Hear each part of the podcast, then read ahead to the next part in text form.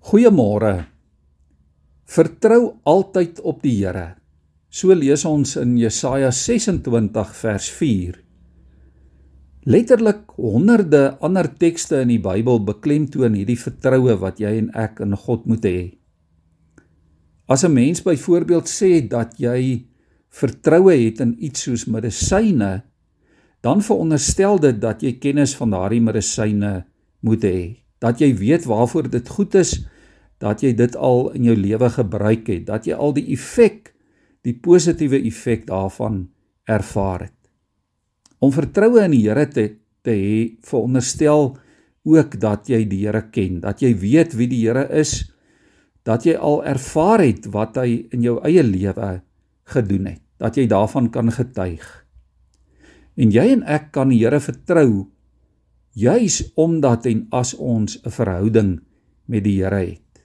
Ek kan die Here vertrou omdat ek weet dat niks vir die Here onmoontlik is nie. Dat ek altyd veilig is en sal wees by die Here. Dat hy in beheer is, dat hy die beste weet. Vertroue en geloof gaan daarom hand aan hand. 'n Mens kan hulle werklikheid as sinonieme gebruik. Vertroue kom in werking wanneer my eie krag en my eie kennis en my eie vermoëns en my eie insig opgeraak het. Vertroue is werklik vertroue. Wanneer jy nog nie die uitkoms kan sien nie, maar jy hoop steeds en jy glo steeds. Jesaja 30 vers 18 sê, dit gaan goed met elkeen wat op God vertrou. En dit liewe vriende is vir ons 'n aansporing vandag en elke dag van ons lewe. Jesaja 26 vers vers 3 sê: Gee vir hulle vrede en voorspoed, Here, want hulle het hulle vertroue op U gestel. En dit is ons beloning. Vertroue in die Here word altyd beloon met vrede en dat die Here vir ons sorg. Jesaja 30 vers 15 sê: Julle krag lê in stil wees en in vertroue hê. Miskien wag jy al lank vir 'n deurbraak in jou lewe. 'n Deurbraak, 'n oorwinning van die een of ander soort in die een of ander faset van jou lewe.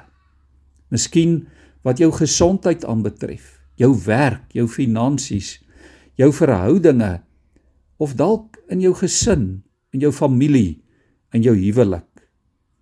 Miskien maak jy al verlang planne. Jy raadpleeg mense. Dalk beklei jy en jy smeek en jy spook en jy spartel om dinge te laat uitwerk.